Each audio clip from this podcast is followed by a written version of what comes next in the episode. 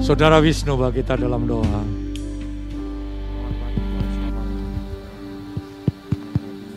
Terima kasih Tuhan. Haleluya. Tuhan Yesus. Kau yang layak dipuji, kau yang layak disembah Tuhan Yesus. Kami boleh uh, memuji mengucapkan namamu tempat ini Tuhan Yesus. Kami boleh bersama-sama Tuhan Yesus. Menyangkan hatimu Tuhan Yesus. Tiba saatnya Tuhan Yesus. Kami siap mendengarkan firmanmu Tuhan Yesus. Urapi hambamu Tuhan Yesus yang akan menyampaikan firmanmu Tuhan Yesus. Kiranya setiap firman yang keluar dari setiap lidah bibir hambamu Tuhan Yesus boleh tertanam dan boleh menjadi uh, rema dalam setiap kehidupan kami Tuhan Yesus. Terima kasih Tuhan, terima kasih kami siap mendengar firman-Mu dalam nama Tuhan Yesus. Amin. Puji Tuhan. Silakan duduk. Selamat pagi menjelang siang. Selamat kita boleh kembali bertemu dalam kasih Tuhan. Bapak sudah diberkati pada pagi menjelang siang ini. Amin. Allah yang kita sembah adalah Allah yang ajaib, yang luar biasa yang boleh menolong kita semua. Puji Tuhan, di tengah-tengah kita ada hamba Tuhan Bapak Pendeta Akim Banjar Nahor. Beliau melayani di GPDI Puncak Wangi ya, di sekitaran Pati, Kota Pati. Puji Tuhan, tadi pagi sudah memberkati kita dengan kebenaran firman Tuhan. Sekarang kita mau siapkan hati kita sehingga firman Tuhan boleh menjadi berkat bagi kita sekalian. Waktu dan tempat saya persilakan.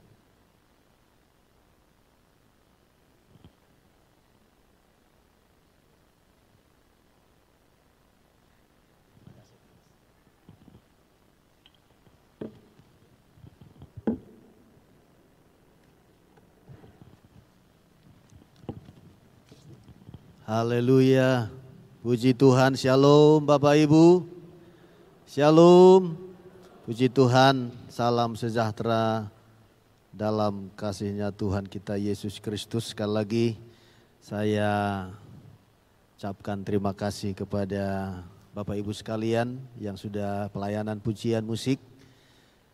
Dan secara khusus kepada hambanya, Gembala, Bapak Ibu Gembala Bapak Ibu, Bapak Agus yang mempercayakan mimbar yang besar ini bagi saya ya. mimbar kami besar juga bentuknya, tetapi maksudnya mimbar besar ini kesempatan kepercayaan ini di hadapan Bapak Ibu, di hadapan jemaat yang besar yang tidak biasa seperti setiap minggu kami layani Puji Tuhan sekali lagi terima kasih untuk Pak Agus yang menerima kami mulai kemarin sampai pelayanan tadi pagi dan juga kepada seluruh sidang jemaat Tuhan ya.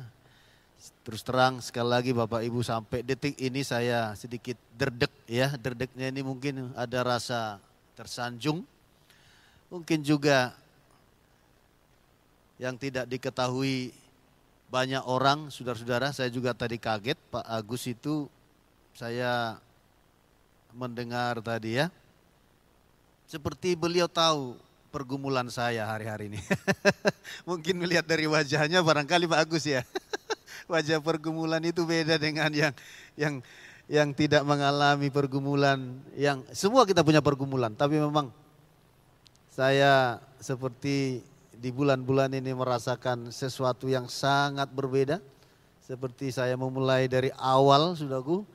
Ya, ya itu juga menjadi satu proses ujian bagi kami. Amin Bapak Ibu. Jadi Bapak Ibu sedang jemaat Tuhan, hamba Tuhan juga diproses. Amin Bapak Ibu. Diuji juga. Ya, bahkan berbagai-bagai pencobaan. Ya. Saya selingi sedikit Pak Agus kesaksian barangkali ya Pak Agus ya. Nanti saya akan lanjutkan apa yang saya sampaikan tadi pagi. Ya, satu bulan yang lalu atau kurang lebih saudara-saudara, anak kami yang kuliah di Satya Wacana sini, dua tahun mereka sampai semester lima ngikuti dari rumah. Saya pikir ya pasti ada kebijakan pihak kampus lah masalah apa biayanya, uang dari rumah kok masa kasih uang pembangunan begitu ya saudara-saudara ya. Terus terang kaget saya di telepon saya sudah masuk, kalau tidak bisa ngambil berhenti, waduh saya seperti sekonyong-konyong Bapak Ibu. Ya, ya malah didenda. Saya pikir karena tidak masuk, pasti ada dispensasi, ada kebijakan, malah didenda uang pembangunannya. Memang kami hanya kasih semester dari rumah terus. Dari rumah oleh kemurahan Tuhan bisa. Eh tiba-tiba masuk kosnya, makannya setiap minggu. Malah didenda uang pembangunannya. Aduh saya shock sekali. Itu seperti sekonyong-konyong saudara-saudara ya. Itu yang saya rasakan sepertinya Pak Agus tahu.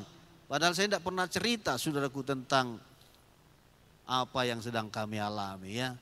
Itulah seorang hamba Tuhan itu mungkin punya feeling roh ya. Amin Bapak Ibu. Makasih sekali lagi Pak Agus ya. Makasih kami tidak bisa balas Pak. Kepercayaan ini teristimewa. Perhatiannya biar kiranya Tuhan menolong. Dan seperti tadi pagi saya katakan ini gereja ini luar biasa ya dikembangkan, dilanjutkan oleh hambanya. Ya.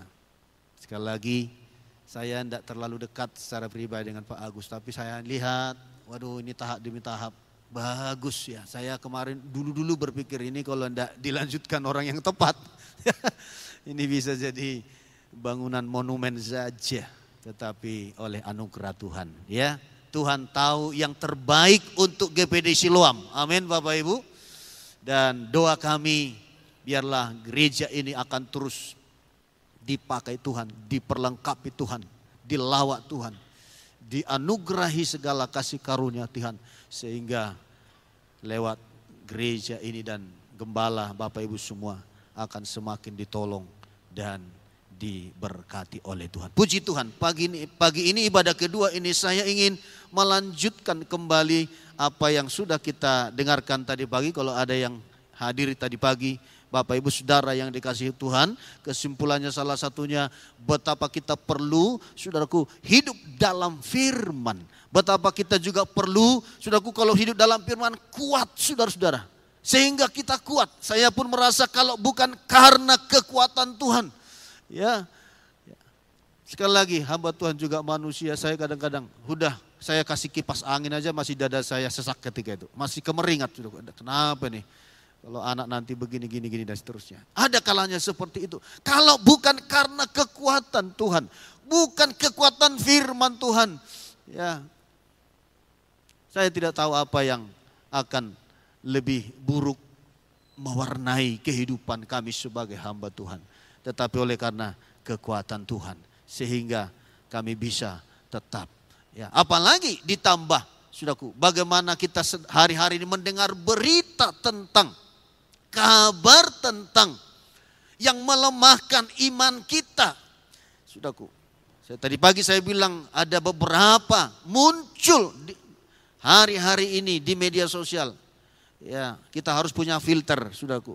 Terus bernubuat dan menyuarakan kegelapan dikatakan, kerusakan di segala bidang di tahun-tahun ke depan ini, saudara-saudara. Kalau kita tidak kuat dalam firman, kalau kita tidak imbangi memperkatakan firman Tuhan, kalau kita tidak renungkan firman Tuhan, kalau kita tidak lakukan firman Tuhan, kalau kita tidak ingat kasih Tuhan dan kasih itu pada kita, maka kita akan semakin lemah.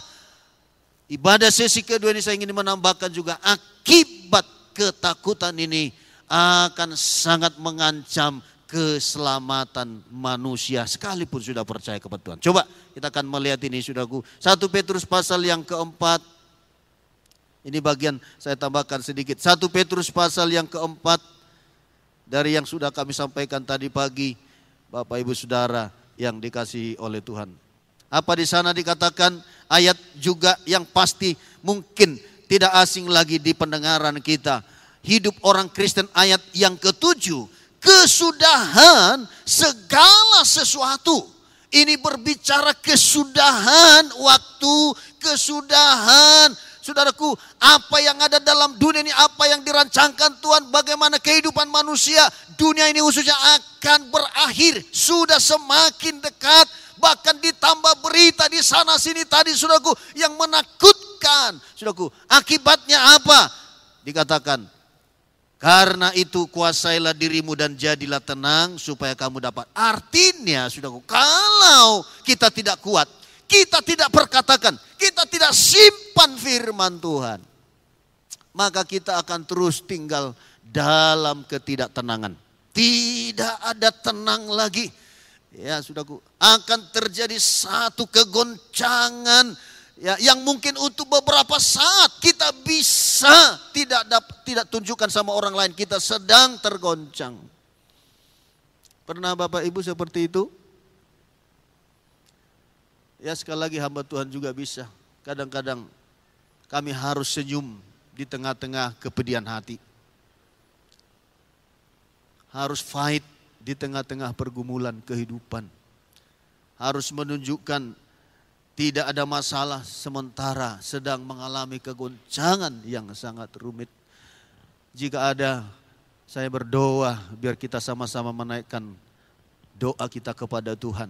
Sebab ayat ini berkata, tidak ada cara lain, tidak ada obat lain, tidak ada pertolongan lain selain kita berdoa. Amin Bapak Ibu. Supaya kita bisa tenang karena kesudahan ini bercampur baur dengan situasi dunia ini bahkan penjelang kedatangan Tuhan kali yang kedua. Dikatakan di sini kuasailah dirimu dan jadilah tenang supaya kamu dapat berdoa. Berdoa bisa kita lakukan. Di mana saja, kapan saja. Bukan hanya dalam doa pribadi beston pagi. Kadang-kadang kalau saya berdoa, lelah rasanya berlutut. Saya bilang sama Tuhan, break Tuhan saya telentang. Berdoa saja, lipat tangan, telentang karena terasa lelah, kaki gemer, keringkingan istilahnya sini ya, keringkingan saya letak saja. Dan itu sangat menolong, memberikan kekuatan. Dan yang kedua, Daud pernah juga mengalami hal yang sama. Sebagai hamba Tuhan yang sangat takut percaya Tuhan, tapi juga dia mengalami suasana ketidaktenangan, ketidaknyamanan.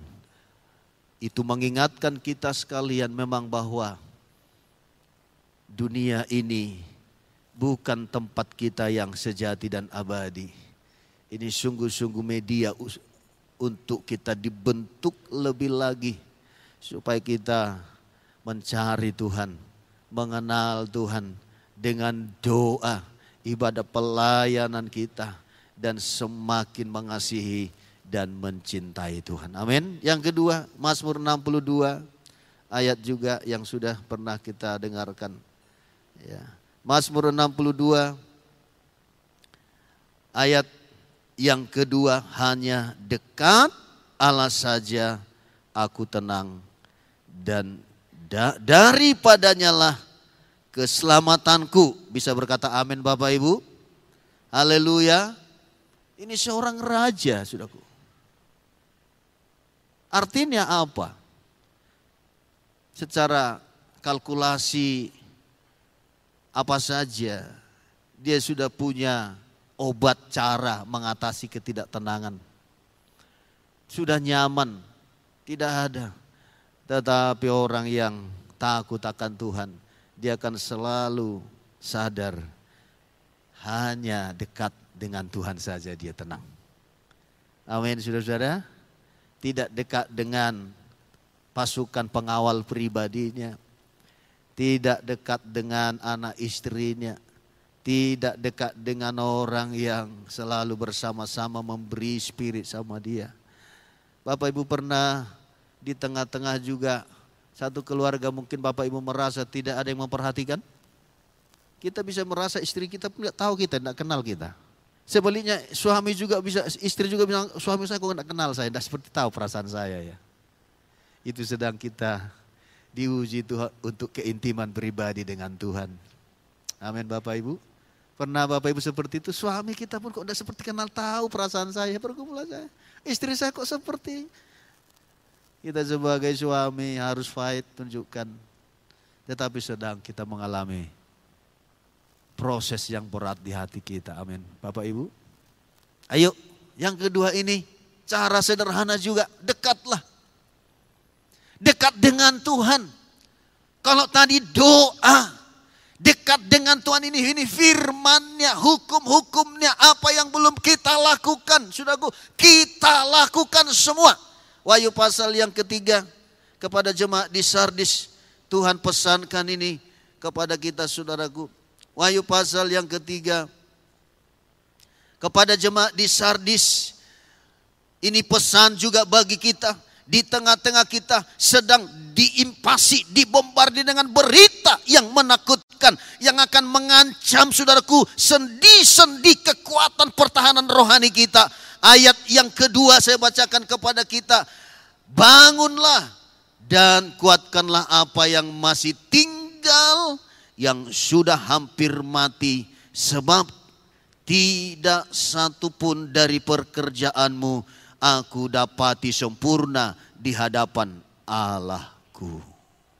Ayo, saudaraku. Apa? Mungkin situasi ini sedang berbicara juga kepada saya, kepada kita semua. Apa yang masih kurang? Saudaraku, apa yang belum kita sadari? Apa target rohani yang belum kita lakukan? Kita perhatikan, kita bangun ini. Karena Tuhan katakan, hendaklah engkau sempurna sama seperti aku sempurna Matius 5 ayat 58. Tidak ada yang kudapati yang kamu kerjakan sempurna. Saudaraku, kesempurnaan ini berbicara mulai dari apa yang bisa kita lakukan maksimal di luar, saudaraku. Tetapi juga berbicara kesempurnaan kemurnian hati, ketulusan hati kita. Kesucian dan kekudusan hati kita. Isi hati dan pikiran kita. Belum ada yang saya dapati pekerjaanmu yang sempurna. Bangunlah dikatakan, ayo kita bangun ini. Sudahku yang hampir mati sebab tidak ada satupun dari pekerjaanmu yang aku dapati sempurna di hadapan Allah. Mungkin kita merespon ini Tuhan apa lagi yang belum sempurna, saya sudah berusaha sempurna. Tetapi ini adalah berita yang sangat penting kita perhatikan sungguh-sungguh ya supaya kekuatan, kedaulatan, kekuasaan Tuhan, kesempurnaan Tuhan bahkan kuasa Tuhan yang dialami oleh Yesus yang sempurna kita juga akan alami karena Tuhan mau menuntut kita memiliki kualitas rohani yang sempurna. Bapak Ibu yang percaya katakan amin. Bangunlah. Ayat yang ayat yang seterusnya ketiga karena itu Ingatlah bagaimana engkau telah menerima dan mendengarnya. Turutilah itu dan bertobatlah. Bagaimana kita menerima awal-awal mengasihi Tuhan, percaya dengan Tuhan Bapak Ibu. Tadi pagi saya saksikan kalau kita pernah yang sudah berumur di, di atas di atas 50 lah ya itu pasti punya memori dulu bagaimana kebangunan rohani gereja kita Pantai Costa di daerah-daerah di mana saja KKR. Aduh luar biasa saudaraku. Saya masih mengingat itu waktu kami di desa dulu. Berdoa pembukaan, ditunjuk doa pembukaan. Itu semua berdoa sidang jemaat Tuhan. Berurutan sampai bersuara semua. Itu dulu Pantai Costa dulu. Sampai pemimpin yang ditunjuk berdoa ke depan dia menunggu masih bersuara yang lain. Haleluya puji Tuhan bersorak menyembah memuji Tuhan. Baru sudah lihat semua akan reda. Haleluya haleluya. Amin. Itu pemimpin doa dulu kukerakannya. Oh sekarang udah mulai jadi ada mayam kita berdoanya. Amin saudara-saudara. Haleluya. Jangan sampai kita malah seperti gereja yang lain, presbiteran, protestan, hanya yang mimpin doa, yang berdoa. Amin, kita tidak berdoa lagi. Kalau dulu sudah aku semua berdoa pembukaan, semua berdoa, bersuara. Karena hadirat Tuhan begitu amat terasa di setiap pribadi orang-orang itu.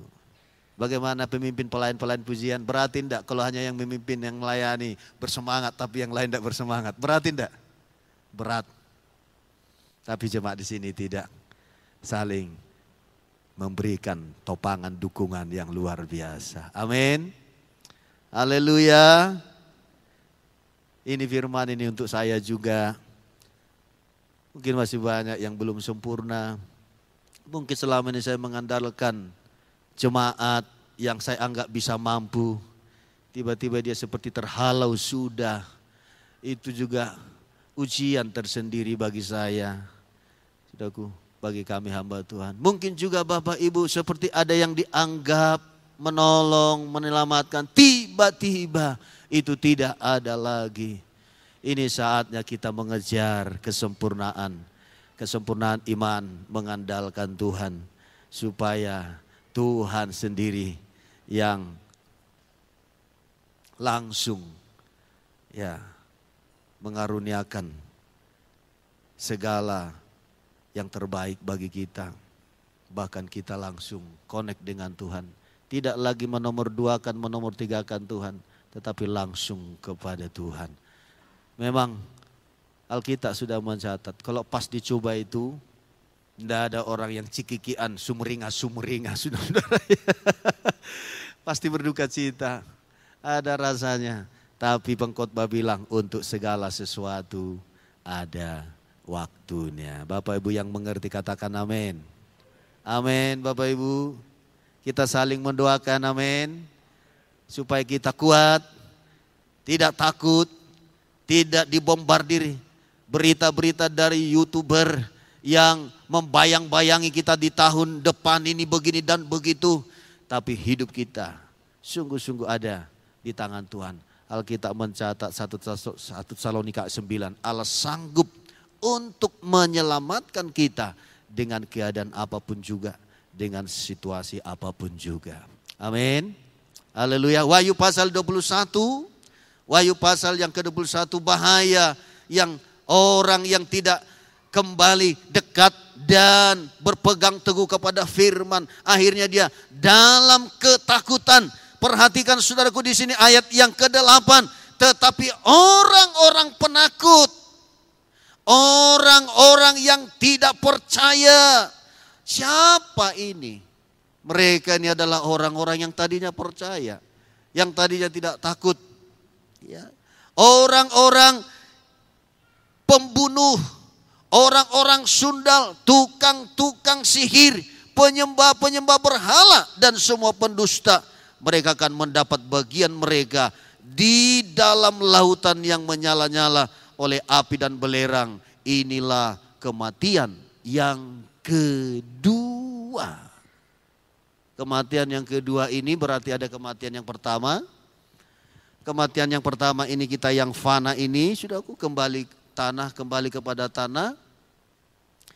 Tetapi kematian yang kedua, prosesnya, prosedurnya Nanti sebelum Tuhan datang kali yang kedua, yang percaya kepada Tuhan dibangkitkan, yang tidak percaya belum bangkit. Nanti di pada kebangkitan kedua masuk kepada penghakiman yang kedua. Setelah itulah dihukum selama-lama. Itulah kematian yang kedua.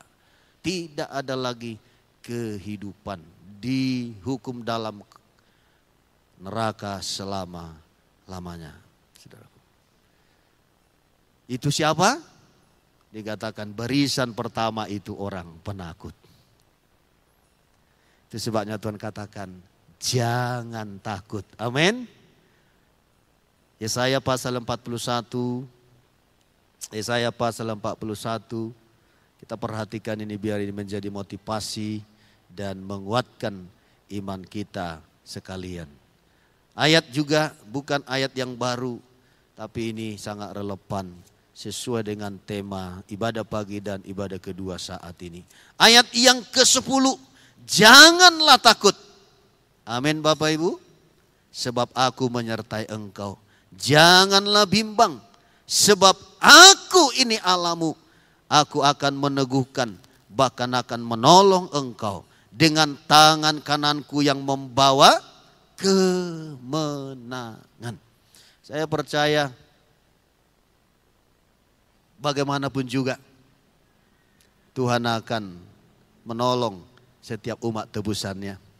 Sebab bukan hanya dengan kekuatan kita. Tapi firman Allah berkata bukan dengan kuat dan gagah. Tetapi dengan roh kudus. Tuhan menolong kepada kita semua. Amin. Suatu saat kita akan diperhadapkan seperti mentok dalam berbagai suasana supaya kita sungguh-sungguh mengalami pengalaman pribadi dengan apa yang sudah kita tahu selama ini tentang Tuhan? Apa yang sudah kita tahu bagaimana firman Tuhan? Tetapi itu selalu dilewati berbagai etape istilahnya kok bahasa terjemahan lain tahapan-tahapan, proses demi proses. Supaya kita memiliki kekuatan daya tahan kalau kita mengalami proses yang sudah pernah kita alami, kita berkata puji Tuhan. Tuhan sudah menolong kita. Eben Heser, dia sudah menolong kita sampai saat ini. Dia juga akan menolong kita sampai seterusnya dan selama-lamanya. Ya. Tuhan akan menguatkan kita, Tuhan akan menghibur kita, bahkan juga dia akan melindungi kita. Amin, saudara-saudara sangat manusiawi kalau kita ada ada rasa takut. Ya itu yang saya rasakan kami siapa tidak takut sudah ku tiba-tiba dibilang kalau tidak bisa malu nasi. Waktu itu 15 juta tambah dendanya. Dah bisa ambil. Saya ditelepon anak saya bolak-balik. Loh kok ada telepon bolak-balik.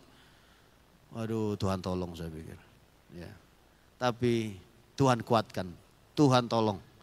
Sampai saat ini saya masih bisa bernapas. bisa bernapas, bisa bisa kuat. Dan saya bilang sama istri Tuhan kiranya menolong, menguatkan kita untuk melewati semua itu. Dan juga kita percaya bukan hanya menguatkan psikologis kita yang sedang mengalami tekanan apa saja, tetapi Tuhan juga berjanji akan menjaga kita dari segala yang jahat. Amin. Saya akhiri ini Mazmur 121 ini pernyataan Daud tentang pembelaan perlindungan Tuhan yang ajaib dalam pergumulan kehidupannya sebagai hamba Tuhan, anak Tuhan, orang yang takut dan Tuhan dan kita sekaliannya. Saya rindu kita membacakan ini biar ini menjadi deklarasi iman, menjadi keyakinan pernyataan kita di hari-hari ini supaya kekuatan Tuhan melingkupi kita sekaliannya. Mazmur 121 saya akan bacakan judulnya baru saya akan ajak kita membaca semua ayat ini karena ayat ini menjadi ayat perlindungan bagi kita sekalian. Tuhan penjaga Israel. Satu, dua, tiga. Nyanyian ziarah. Aku, ayo lebih keras lagi Bapak Ibu saya ulangi. Satu, dua, tiga. Aku melayangkan mataku ke gunung-gunung dari manakah akan datang pertolonganku? Pertolonganku ialah dari Tuhan yang menjadikan langit dan bumi. Ayat yang ketiga, satu, dua, tiga. Ia takkan membiarkan kakimu goyah. Penjagamu tidak akan terlelap. Empat, sesungguhnya tidak terlelap dan tidak tertidur penjaga Israel. Lima, Tuhanlah penjagamu, Tuhanlah naunganmu di sebelah tangan kananmu. Ayat 6, matahari tidak menyakiti engkau pada waktu siang atau bulan pada waktu malam. Ayat 7, Tuhan akan menjaga engkau terhadap segala kecelakaan. Ia akan menjaga nyawa, nyawamu. Ayat 8, 1, 2, 3. Tuhan akan menjaga keluar masukmu dari sekarang sampai selama-lamanya. Bisa berkata amin Bapak Ibu? Tuhan akan menjaga kita, Tuhan akan melindungi kita. Tuhan akan menyertai, menghibur, menolong kita, bahkan sampai selama-lamanya dikatakan ayat ini. Tuhan berjanji kepada murid-muridnya, aku menyertai engkau sampai kepada kesudahan alam.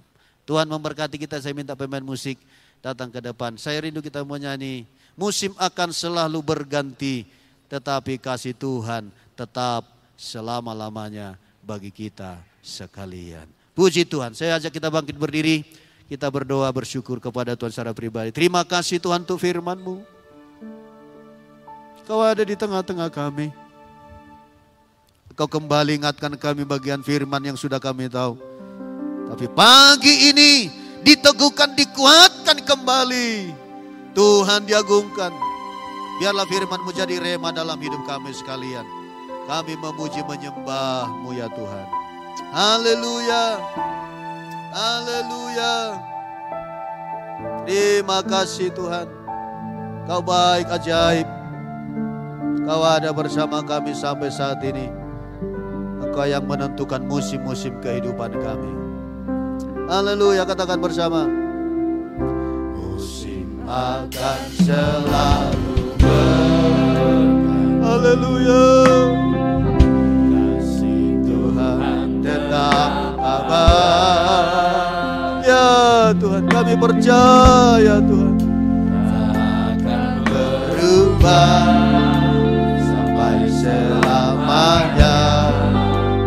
Tetap percaya.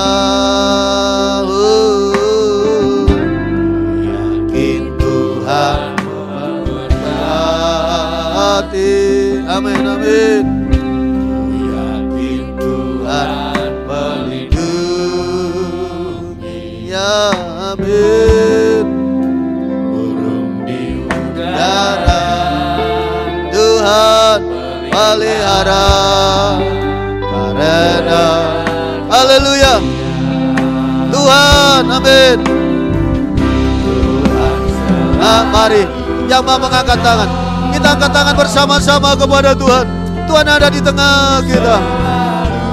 Haleluya. Amin, amin. Oh, lahir rambutku tak akan terjatuh tanpa seizin. Haleluya.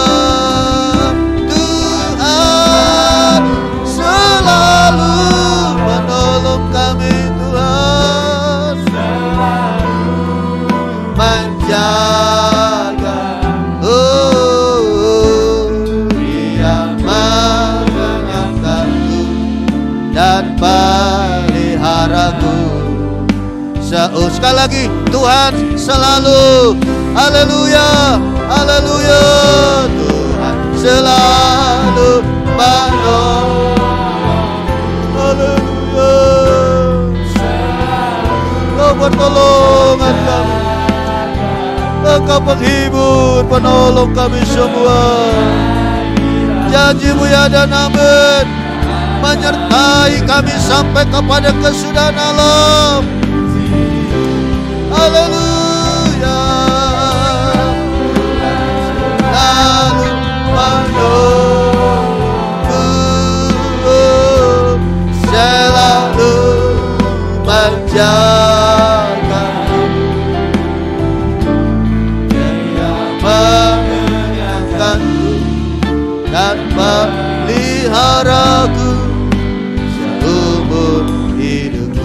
Dia mengenyangkanku Mengenyangkan kita dengan firman-Nya. Mengenyangkanku. Dan meliharaku Sekali lagi dia mengenyangkan kita. Haleluya. Dia mengenyangkanku. Dan meliharaku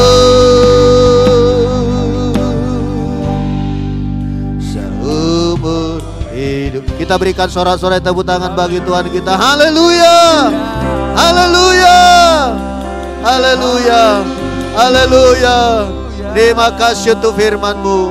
Tuhan berbicara lebih jauh.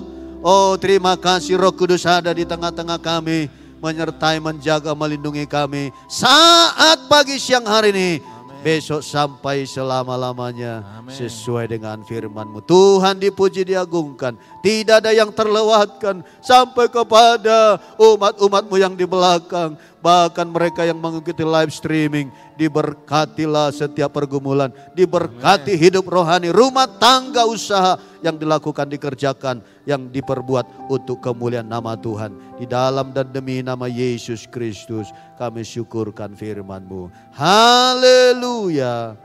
Amin. Amin.